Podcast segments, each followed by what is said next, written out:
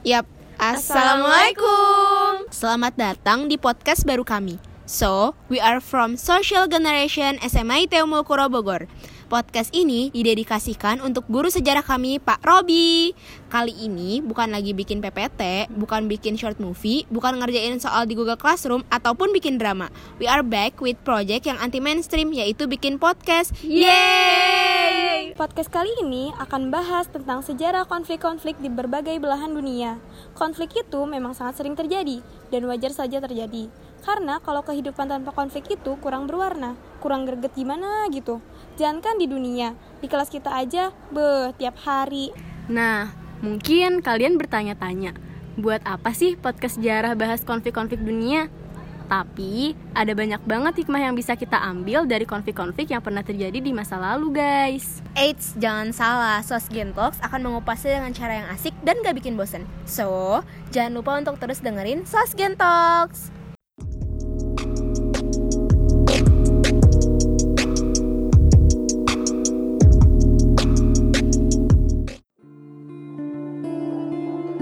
Puluhan tahun silam, pertumpahan darah terjadi di Jazirah Arab. Secara umum, Perang Teluk adalah perang yang disebabkan karena persaingan antara Irak dan Iran. Rivalitas kedua negara ini memang sudah tercermin sejak zaman Ottoman, guys. Setelah memakan jutaan korban jiwa dan mengalami banyak kerugian, akhirnya konflik pun berhasil padam. Lalu, bagaimana sih seluk-beluk konflik Timur Tengah? Inilah catatan konflik Timur Tengah.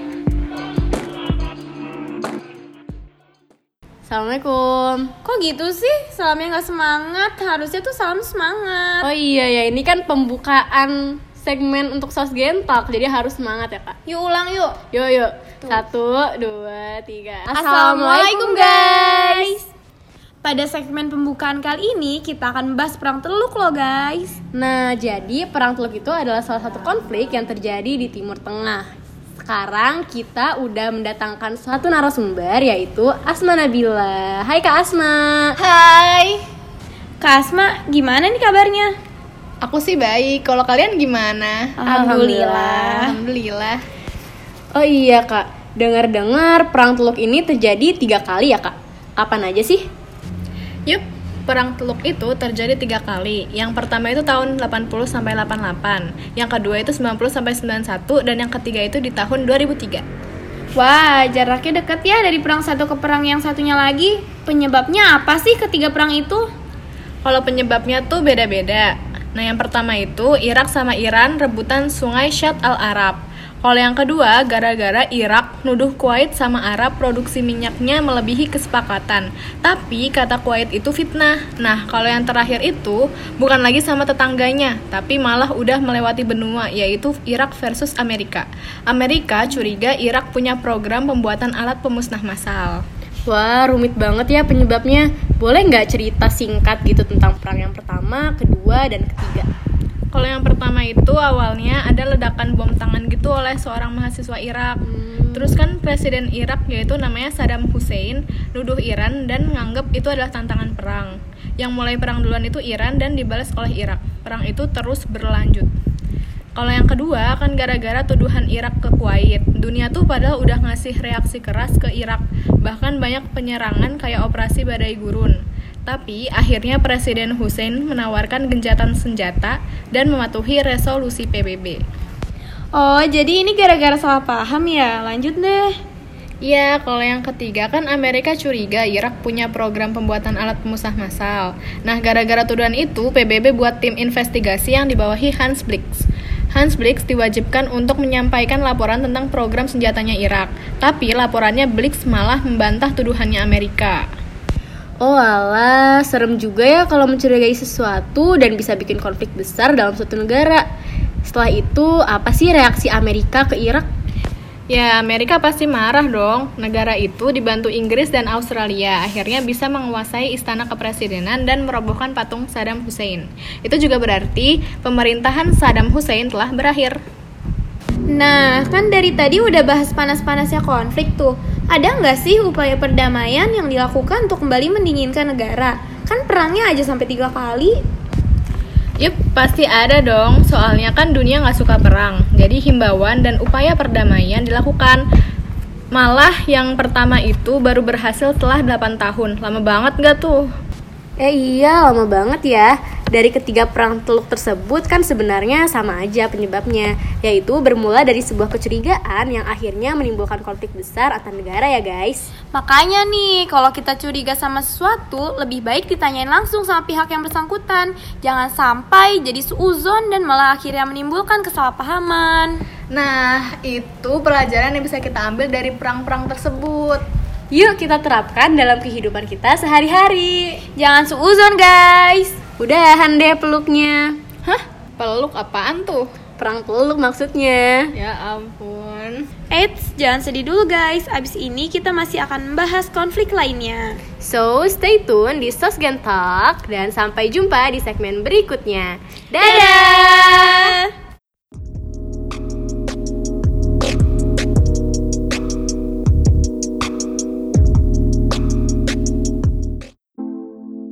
Kamboja, sebuah negara di Asia Tenggara yang penuh dengan lika-liku dalam pemerintahannya. Kudeta militer Pol Pot yang ingin menumbangkan Lonol akhirnya berhasil. Komunis mengambil alih Kamboja. Pemerintahan Pol Pot membuat rakyat Kamboja hidup menderita. Sistem pemerintahan Khmer Merah yang kejam menyebabkan rezim ini sering disebut sebagai killing machine dan mendapat kutukan oleh dunia internasional. Bagaimanakah nasib Kamboja di balik pemerintahan Pol Pot? Mengapa hal ini dapat terjadi? Simaklah Kamboja di balik pemerintahan Pol Pot. Hai guys, pada segmen kali ini kita akan membahas tentang konflik Kamboja. Kita kedatangan narasumber yang bernama Shiva. Hai Shiva. Halo. Konflik Kamboja pasti terjadinya di Kamboja kan? Iyalah. Kenapa sih bisa terjadi konflik di Kamboja? Pada awalnya, konflik Kamboja itu terjadi sejak meninggalnya Raja Norodom Suramarit. Kemudian, karena di sana mempunyai tradisi, digantikanlah dengan anaknya yang bernama Sihanouk. Setelah Norodom Sihanouk menggantikan ayahnya, ia diangkat menjadi raja dan mengubah sistem monarki menjadi negara republik. Kemudian, ia mengangkat dirinya sendiri sebagai presiden. Oh gitu. Biasanya kalau misalnya suatu negara diubah sistem pemerintahannya, ada perubahan dari rakyatnya. Nah untuk Kamboja sendiri, ada gak sih perubahan yang dirasakan sama rakyat Kamboja? Berpengaruh apa untuk rakyat Kamboja? Tentunya ada dong, tapi sebelumnya aku mau jelasin dulu nih tentang gejolak-gejolak di pemerintahan ketika itu. Ketika Raja Sihanouk memerintah, ia mengubah sistem monarki menjadi republik. Hal ini menyebabkan adanya perlawanan-perlawanan dan perebutan kekuasaan. Saat itu, Jenderal lah yang ingin mengambil alih kekuasaan. Dan akhirnya, ketika Raja Sihanouk melarikan diri ke Tiongkok, Lono mendeklarasikan diri menjadi presiden. Ia menerapkan sistem demokratis dan sangat didukung oleh Amerika Serikat. Tetapi, walaupun sudah diganti, masih ada saja golongan rakyat yang menentang pemerintahan Lono, apalagi dari golongan komunis yang ketika itu dipimpin oleh Pol Pot. Kemudian, pada masa tersebut dibentuklah organisasi pergerakan perlawanan atau Kamar Merah yang dipimpin oleh Pol Pot, kemudian didukung oleh Tiongkok. Kemudian, Pol Pot menggulingkan Lono pada tanggal 15 April tahun 1975. Selama masa pemerintahan Pol Pot, banyak rakyat yang menderita dan lebih dari 2 juta rakyat dibunuh karena menentang pemerintahan Pol Pot. Lalu apa yang dilakukan rakyat? Apa rakyat diam aja? Tentu saja dong rakyat tidak diam. Ketika itu, rakyat menggelar aksi pergerakan untuk menggulingkan Pol Pot. Nah, pada tahun 1978, akhirnya pemerintahan Pol Pot itu berhasil digulingkan oleh Heng Samrin. Dan Heng Samrin itu didukung oleh Vietnam. Wah, berarti aksi mereka berhasil ya untuk menggulingkan Pol Pot. By the way, ada gak sih pengaruh dari pertikaian tersebut? Ya pastinya ada dong. Dalam pertikaian antar kelompok ini menimbulkan penderitaan yang mengakibatkan terganggunya stabilitas keamanan di wilayah Asia Tenggara. Jadi dampaknya itu menyebar sampai ke negara-negara di sekitarnya. Wah, dampaknya besar juga ya. Kira-kira ada gak sih upaya yang dilakukan oleh negara lain untuk menyelesaikan konflik ini biar gak berantem terus gitu? Ada dong. Salah satunya negara kita tercinta nih, Indonesia. Wah, keren banget. Emangnya apa sih yang dilakuin di Indonesia untuk Kamboja? Indonesia itu mempertemukan pihak-pihak yang bertikai di salah satu kota hujan di Indonesia, yaitu Bogor. Dalam pertemuan ini, Indonesia berusaha untuk memberikan solusi dan jalan keluar dari permasalahan. Akhirnya, konflik Kamboja pun berakhir dan mereka bersatu kembali. Nah guys, kesimpulannya konflik Kamboja itu terjadi karena banyak orang yang ingin memperebutkan posisi sebagai penguasa di Kamboja. Nah, semakin luas nih wawasan kita. By the way, terima kasih Kak Shiva. Sama-sama.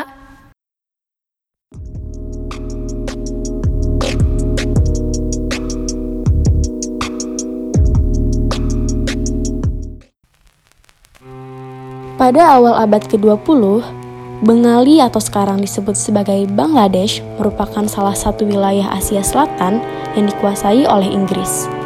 Pada 1905, wilayah tersebut dibagi menjadi dua, yaitu Pakistan Barat dan Timur.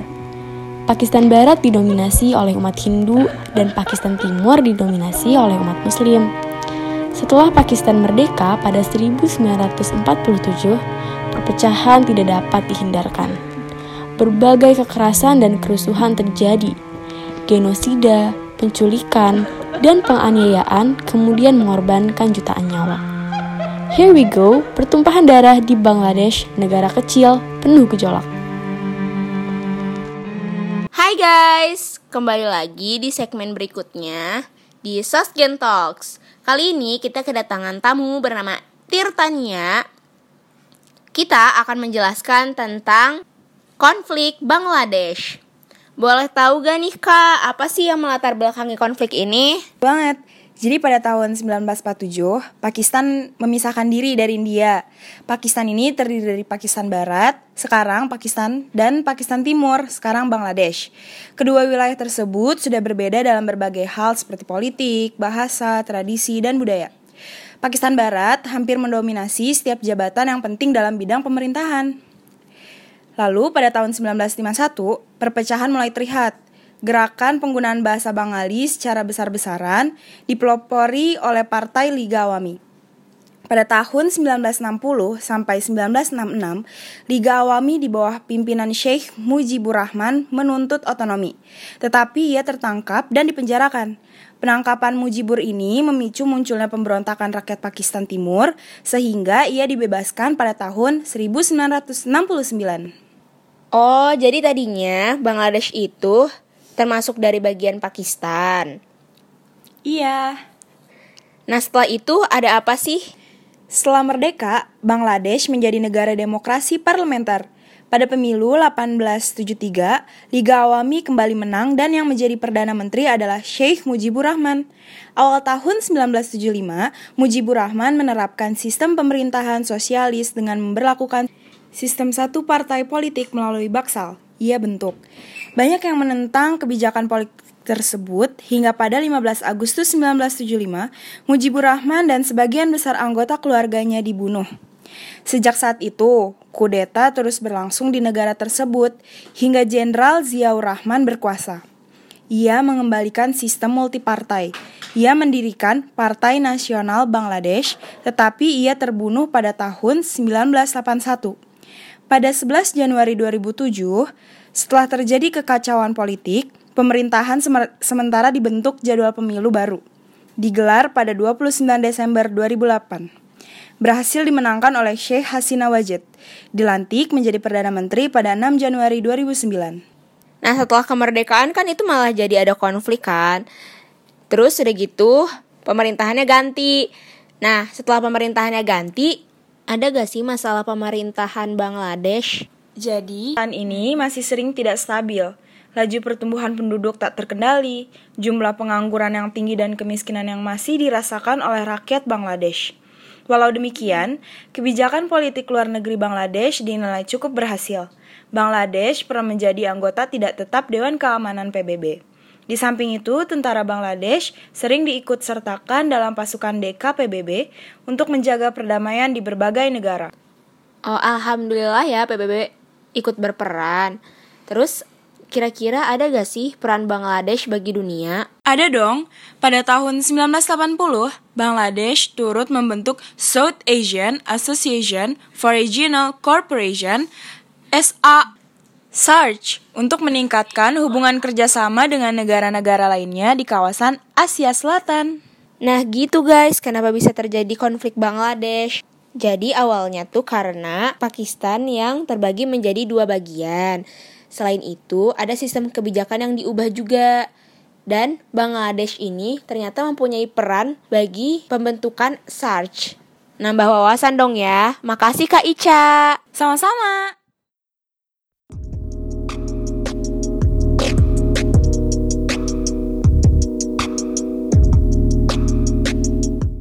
Negara ini memiliki tanah yang subur serta pemandangan yang indah. Sayangnya, hal itu juga lah yang menyebabkan rakyat merasa tidak tentram dan damai. Kashmir namanya.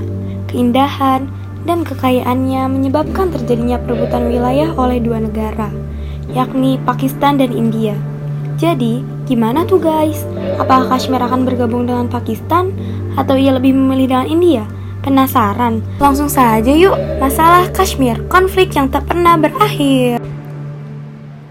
Halo guys, kembali lagi bersama Sosgen Talk di segmen selanjutnya. Kali ini kita akan membahas masalah Kashmir, konflik tiada akhir. Nah, kali ini kita kedatangan narasumber yang keren banget nih, namanya Alia Rahma Zahrani. Halo Kak Alia. Hai. Apa kabar Kak? Baik, baik. Kalian gimana? Alhamdulillah. Baik kok. Oh iya kak, kan kita mau bahas Kashmir ya. Hmm. Tapi Kashmir itu kan masih sedikit asing di telinga kita ya. Eh, Kashmir itu daerah mana sih kak? Jadi Kashmir itu daerah perbatasan India dan Pakistan. Dia ini penghasil wool dan karpet terbaik di dunia dan dia punya tanah yang subur dan pemandangan yang indah. Nah, jadi eh, ini langsung masalahnya. Eh jangan dulu dong. Kita kan baru mau ta'aruf nih sama Kashmir. Baik. Eh BTW, Kashmir itu mirip banget ya sama Indonesia. Iya ya, pemandangannya indah, tanahnya subur, mantas aja direbutin. Nah, itu tuh salah satu faktor yang menye- menyebabkan dia diperebutkan oleh India dan Pakistan. Hmm gitu.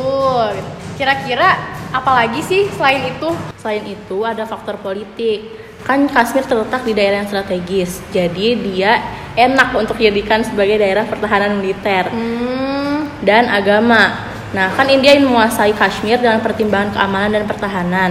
Maka Pakistan juga ingin menguasai Kashmir dengan alasan agama dan ekonomi.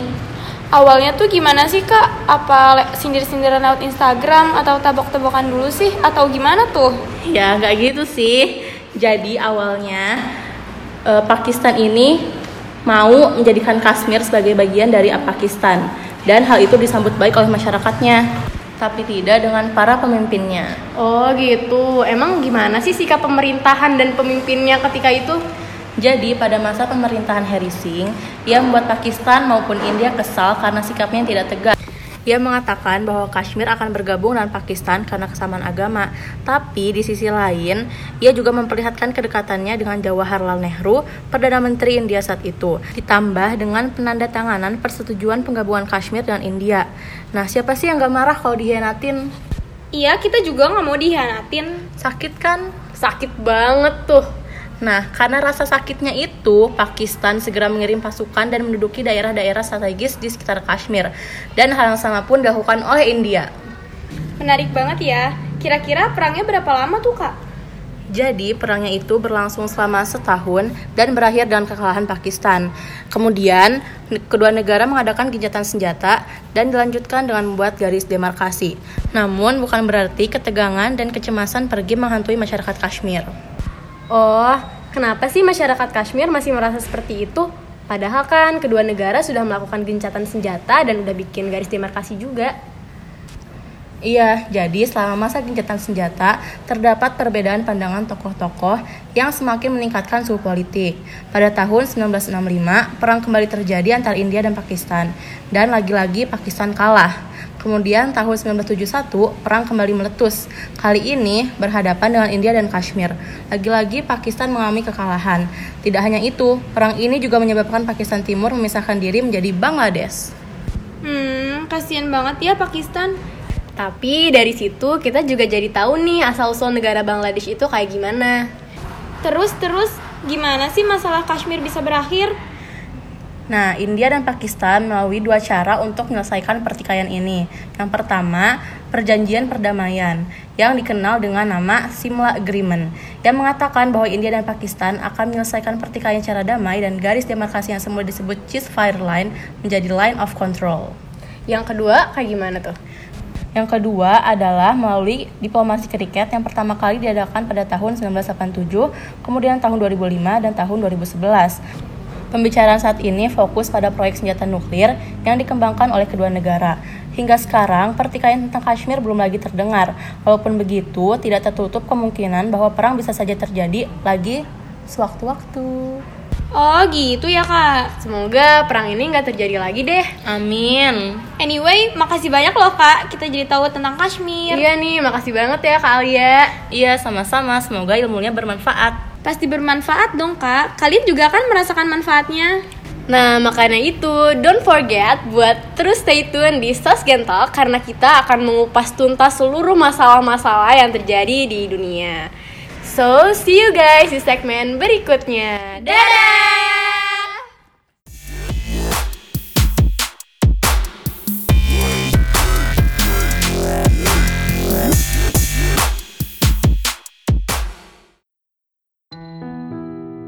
Usai Perang Dingin, semenanjung Korea dibagi menjadi dua bagian, utara dan selatan. Uni Soviet menanamkan paham komunisnya di bagian utara, sementara di bagian selatan, Amerika membentuk pemerintahan militer dengan ideologinya. Pertikaian antara Korea Selatan dan Korea Utara tidak terlepas dari pengaruh Perang Dingin dan perebutan ideologi antar dua negara adidaya. Saat ini, antara Korea Utara dan Selatan mempunyai perbedaan yang sangat kontras, terutama dari segi pemerintahannya. Hubungan antara dua saudara tersebut tetap dingin hingga saat ini. Inilah Perang Korea, bentrokan antar dua saudara. Hai guys, segmen kali ini kita kedatangan tamu bernama Hilma. Kita akan membahas tentang perang saudara Korea. Hai Hilma, Halo, apa kabar? Alhamdulillah sampai sekarang masih baik. Alhamdulillah.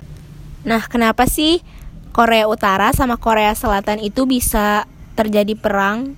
Padahal kan mereka kan satu Korea. Gimana sih awalnya? Nah, jadi gini, sebenarnya perang saudara mereka masih ada sangkut pautnya dengan perang dingin. Jadi awalnya, setelah berita kekalahan Jepang menyerah pada sekutu itu menyebar dan dibarengi dengan berakhirnya Perang Dunia II, tanggal 12 Agustus 1945, Uni Soviet itu menyerbu Korea Utara dengan dalih untuk membersihkan bekas-bekas atau sisa-sisa tentara Jepang yang masih tersisa. Amerika yang sebagai saingannya dan juga tak ingin kalah dengan Uni Soviet, pada bulan Septembernya berhasil menduduki Korea Selatan. Oleh karena adanya dua pengaruh kekuatan adidaya tersebut, perang antara Korea Utara dan Korea Selatan pun semakin memanas. Oh, jadi masih ada sangkut pautnya sama negara-negara adidaya yang sedang berperang dingin ya? Nah, gimana sih kelanjutannya? Saat perang terjadi itu, akhirnya Korea itu dibagi jadi dua kan. Yang pertama itu Republik Korea dengan ibu kota Seoul dan Sing Namru sebagai presidennya. Dan yang kedua, terbagi ibu kota Republik Demokrasi Rakyat Korea atau yang sekarang itu biasa kita sebut dengan Korea Utara. Ibu kotanya Pyongyang dan Kim Il Sung sebagai perdana menterinya. Nah, karena adanya dua pengaruh kekuatan negara di tersebut, jadi itu mengancam keutuhan bangsa Korea. Oleh karena itu, PBB berusaha mengusirnya dari Korea. Sayangnya usaha PBB itu nggak berhasil. Pada 25 Juni 1950, tentara Korea dibantu dengan Uni Soviet menyerbu Korea Selatan. Tapi, walaupun Korea Selatan telah dibantu oleh Amerika, mereka tetap tidak bisa membendung serangan Korea Utara dan hanya membutuhkan waktu dua bulan yang merupakan waktu yang sangat sedikit seluruh wilayah Korea Selatan itu berhasil diduduki oleh Korea Utara kecuali daerah di sekitar pelabuhan Pusan karena semakin mirisnya keadaan perang PBB yang melihat keadaan perang tersebut akhirnya segera membentuk pasukan gabungan di bawah pimpinan Jenderal Douglas MacArthur dan berhasil mendesak Korea Utara. Nah, dalam keadaan genting seperti itu, Korea Utara tuh tetap mendapat bantuan dari tentara Tiongkok. Nah, karena adanya bantuan dari Tiongkok ini membuat kekuatan Korea Utara tuh semakin bertambah dan akhirnya PBB memutuskan menarik mundur pasukannya. Nah, kan kalau misalnya di setiap perang tuh pasti akan menimbulkan korban jiwa kan. Nah, korban jiwa dari Korea Selatan itu sebanyak 58.000 tentara Korea itu tewas. Terus 175.000 personilnya mengalami luka-luka dan 8 juta penduduknya mengalami kehilangan tempat tinggal. Sedangkan dari Korea Utara sendiri tidak diketahui secara pasti korban-korbannya. Ya, sayang banget Korea terbagi menjadi dua. Terus akhir perangnya gimana sih, Kak? Nah, jadi tuh sebenarnya selama perang berlangsung itu udah banyak upaya untuk menyelesaikan konflik ini. Salah satunya itu dengan mereka melakukan berbagai perundingan. Nah, persetujuan itu sudah dicapai di Panmunjom sekaligus menandai akhirnya perang. Karena persetujuan itu hanya sebatas gencatan senjata, maka perang-perang kecil di antara Korea Utara dan Korea Selatan itu masih sering terjadi. Seiring berjalannya waktu, konflik antar Korea mereda. Ini ditandai dengan terlihatnya dua pemimpin Korea yaitu Kim Jong Un dari Korea Utara dan Moon Jae-in dari Korea Selatan bertemu dalam suatu pertemuan tiga tinggi yang membahas denuklearisasi dan meningkatkan hubungan antara dua negara tersebut. Dalam pertemuan itu, keduanya tampak begitu akrab dan saling menjabat tangan. Alhamdulillah, akhirnya mereka bisa mereda perangnya. Nah, dampaknya apa sih? Kalau aku lihat sampai sekarang Korea tuh masih menunjukkan perbedaan yang kontras. Terus gimana sih dampaknya? Nah, jadi dampaknya pertama dalam bidang politik itu Korea Selatan yang berpolitik luar negerinya berkiprah pada Amerika, sebelumnya bersifat agraris, kemudian menjadi tumbuh menjadi negara yang industri yang cukup maju karena adanya bantuan dari Amerika Serikat ini. Namun, dalam bidang pertaniannya, Korea Selatan itu tetap digalakkan sehingga masyarakat tidak mengalami kekurangan bahan makanan. Sebaliknya, Korea Utara yang sejak zaman Jepang difokuskan sebagai daerah industri sering mengalami kelaparan. Hal tersebut juga disebabkan banyak lahan pertanian yang berubah fungsi. Juga terjadinya kemarau yang panjang. Perkembangan Korea Utara sampai saat ini tidak diketahui secara banyak karena kebebasan persnya dibatasi. Oh, akhirnya kita jadi tahu deh kenapa Korea Utara sama Korea Selatan bertikai. Jadi tadi tuh karena masih ada dampak-dampak dari perang dingin juga. Makin banyak kan wawasan kita. So, jangan lupa untuk terus dengerin Sasgen Talks.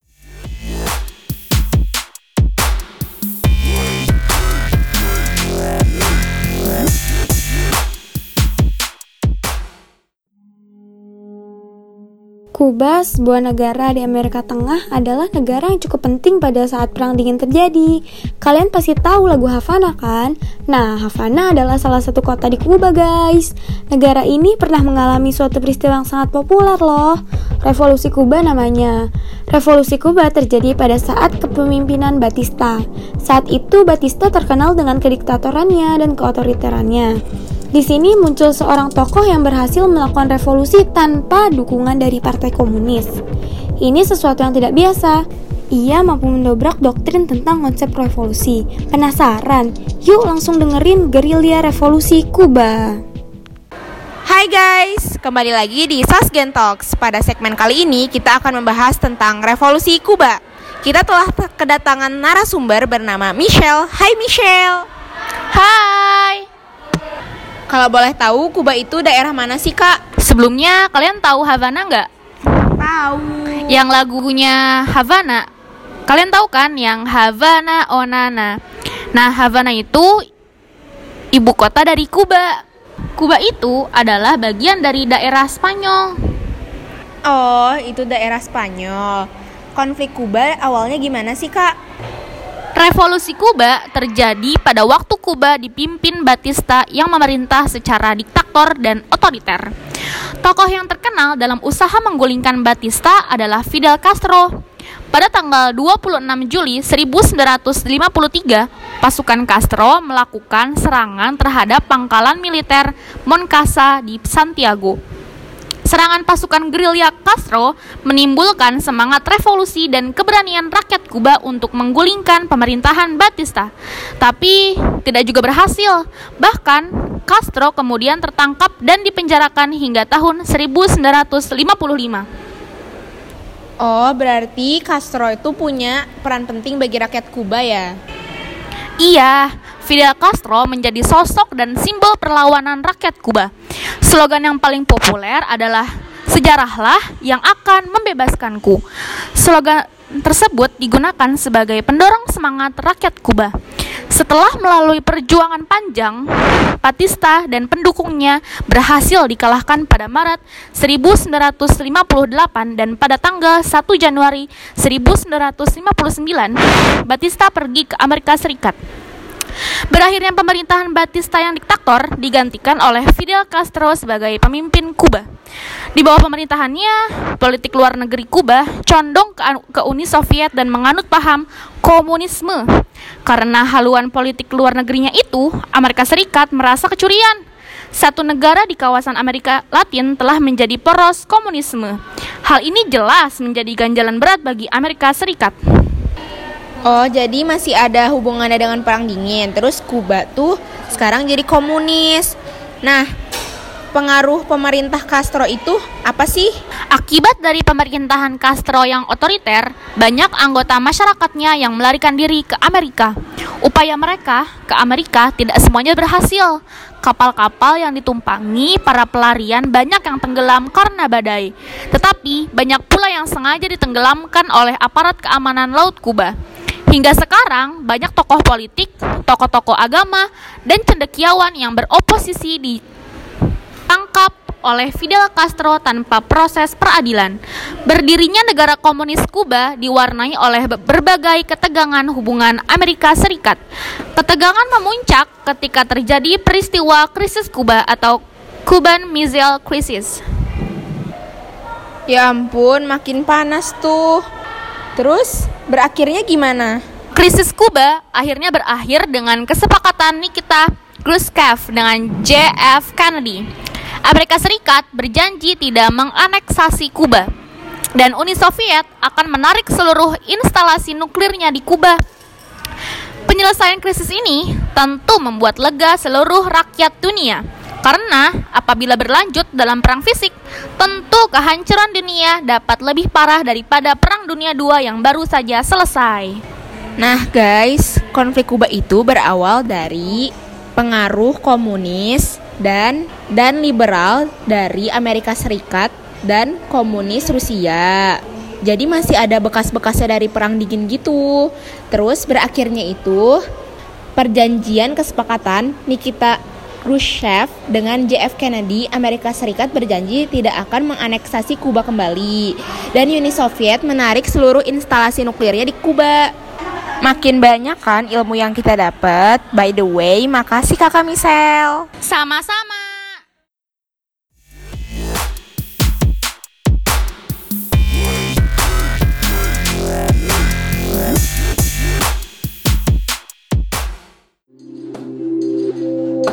Crimea, semenanjung yang terletak di selatan Ukraina. Walaupun terletak di Ukraina, hampir separuh warganya merupakan etnis Rusia. Rusia banyak mengintervensi urusan Crimea, baik dalam militer maupun politik. Hingga akhirnya terjadilah aneksasi Crimea oleh Kekaisaran Rusia yang saat itu dipimpin oleh Vladimir Putin. Tentunya hal ini banyak mendapat kecaman dalam dunia internasional. Mari kupas lebih dalam. Inilah analisis aneksasi terhadap Crimea, konflik antar Rusia Ukraina. Hai guys, kembali lagi di segmen berikutnya. Kali ini kita akan membahas tentang krisis Crimea. Sekarang kita sudah kedatangan tamu bernama Vida. Hai Vida. Hai. Baru denger nih nama Crimea. Itu daerah mana sih? Crimea ada di Ukraina. Langsung aja nih ya. Crimea atau Republik Sosialis Soviet Otonom Crimea didirikan pada tahun 1921 setelah perang saudara yang terjadi pada 1917 sampai dengan 1920. Saat Perang Dunia Kedua, Crimea diduduki oleh Jerman dan Romania selama 4 tahun sebelum akhirnya dibebaskan oleh pasukan Soviet. Pada 1954, Presiden Khrushchev menetapkan kawasan Crimea diserahkan dari Republik Sosialis Federal Soviet Rusia ke Republik Sosialis Soviet Ukraina. Hingga 1991, Republik Sosialis Federal Soviet Rusia dan Republik Sosialis Soviet Ukraina merupakan bagian dari Uni Soviet. Setelah perpecahan Uni Soviet dan pendirian Ukraina sebagai negara merdeka, Crimea menjadi bagian dari Ukraina. Nah, itulah latar belakang mengapa Crimea bisa menjadi bagian dari Ukraina. Oh, jadi gara-gara Uni Sovietnya bubar, terus ada negara Ukraina, jadinya Crimea masuk ke Ukraina. Terus kenapa sih bisa terjadi konflik di sana? Jadi, latar belakang dari terjadinya krisis Crimea ini diawali dengan terjadinya revolusi Ukraina pada awal tahun 2014 yang berpusat di semenanjung Crimea, Ukraina, di mana lebih dari setengah penduduknya adalah etnis Rusia. Terus gimana tuh kelanjutannya?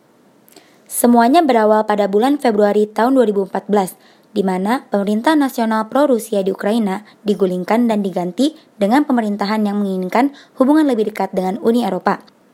Ketegangan pun semakin meningkat antara yang pro-Eropa dan gerakan rakyat anti-Maidan pro-Rusia.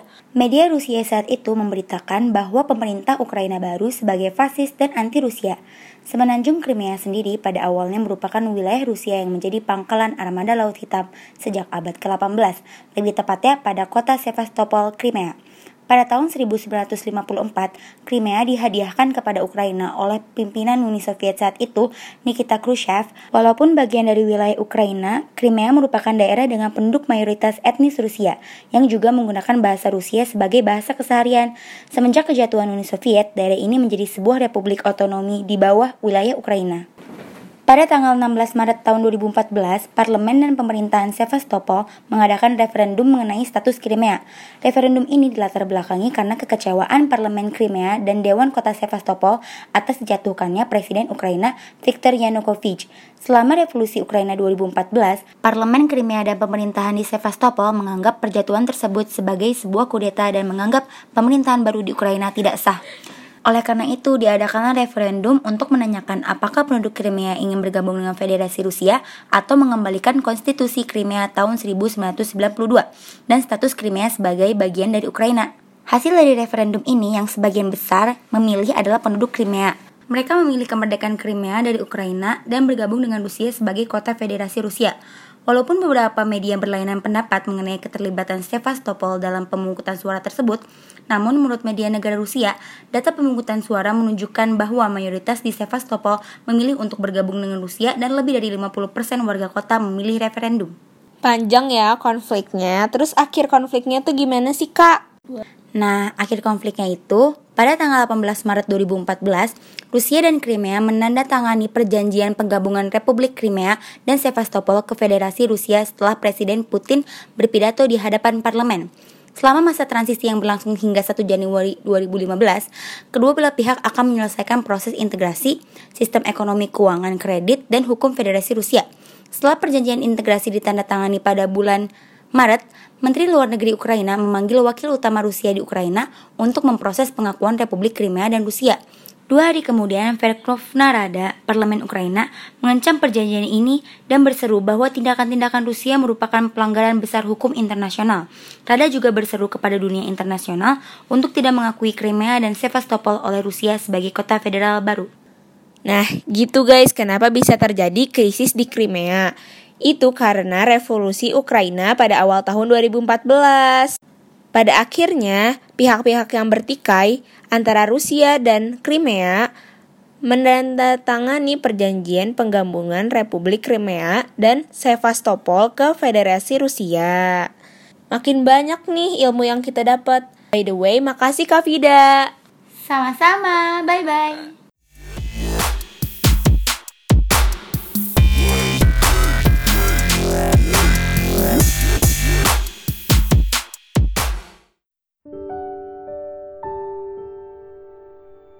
Saya mengetuk pintu di sebuah rumah yang saya datangi.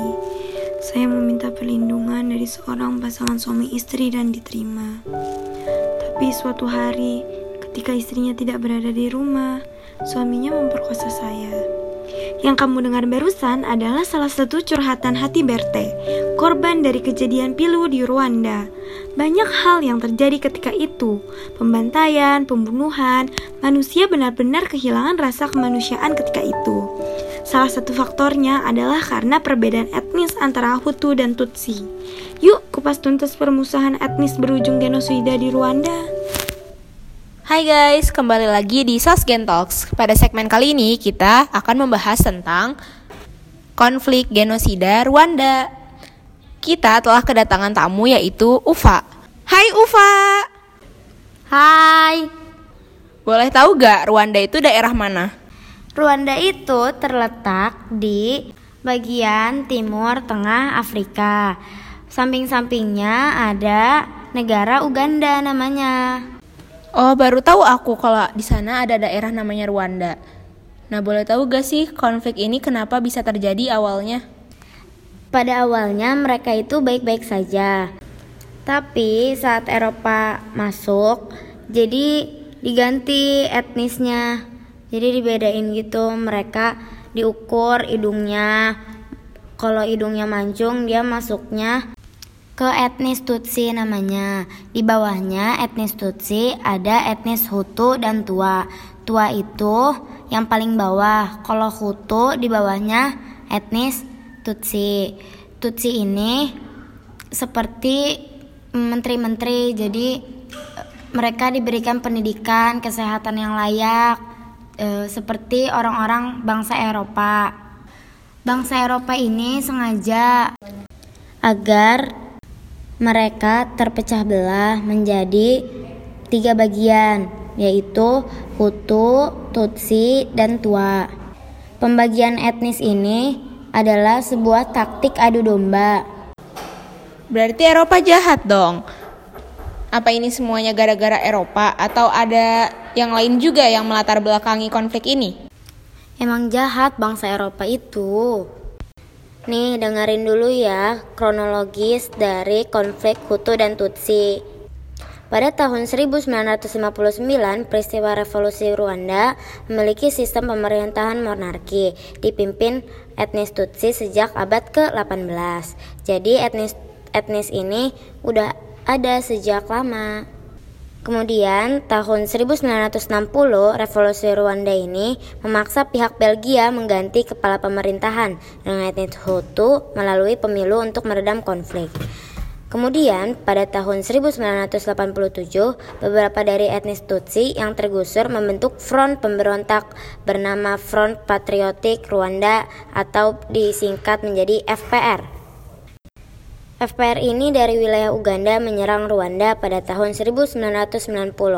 Dilanjut di tahun 1994 pada tanggal 1 Oktober, pesawat yang mengangkut Presiden Rwanda dan Presiden Burundi ditembak, kemudian keduanya tewas. Hal ini membuat pihak dari Hutu menyangka bahwa yang menembak itu adalah pihak dari Tutsi. Namun, Tutsi menyangkal bahwasannya Tutsi tidak menembak ataupun memberontak kepada pihak Hutu. Kemudian di tahun yang sama, pada tanggal 6 April, lebih dari 800 ribu orang etnis Tutsi dan Pijim tewas dalam 100 hari saat pembersihan etnis. Jadi bisa diperkirakan yang meninggal lebih dari 8 juta per hari. Astagfirullah, banyak banget korbannya. Terus kelanjutannya gimana tuh, Pak? Oh iya, belum selesai. Pada tahun 2003, Paul Kagame dari Tutsi terpilih sebagai presiden hingga kini. Konstitusi Rwanda setelah referendum memungkinkan presiden menjabat selama tujuh tahun per periode. Nah guys, jadi intinya konflik genosida Rwanda ini terjadi gara-gara adu domba dari bangsa Eropa yang memecah belah penduduk etnis Rwanda. Makin banyak kan wawasan kita. Makasih ke Ufa. Sama-sama ke Kak Lindra.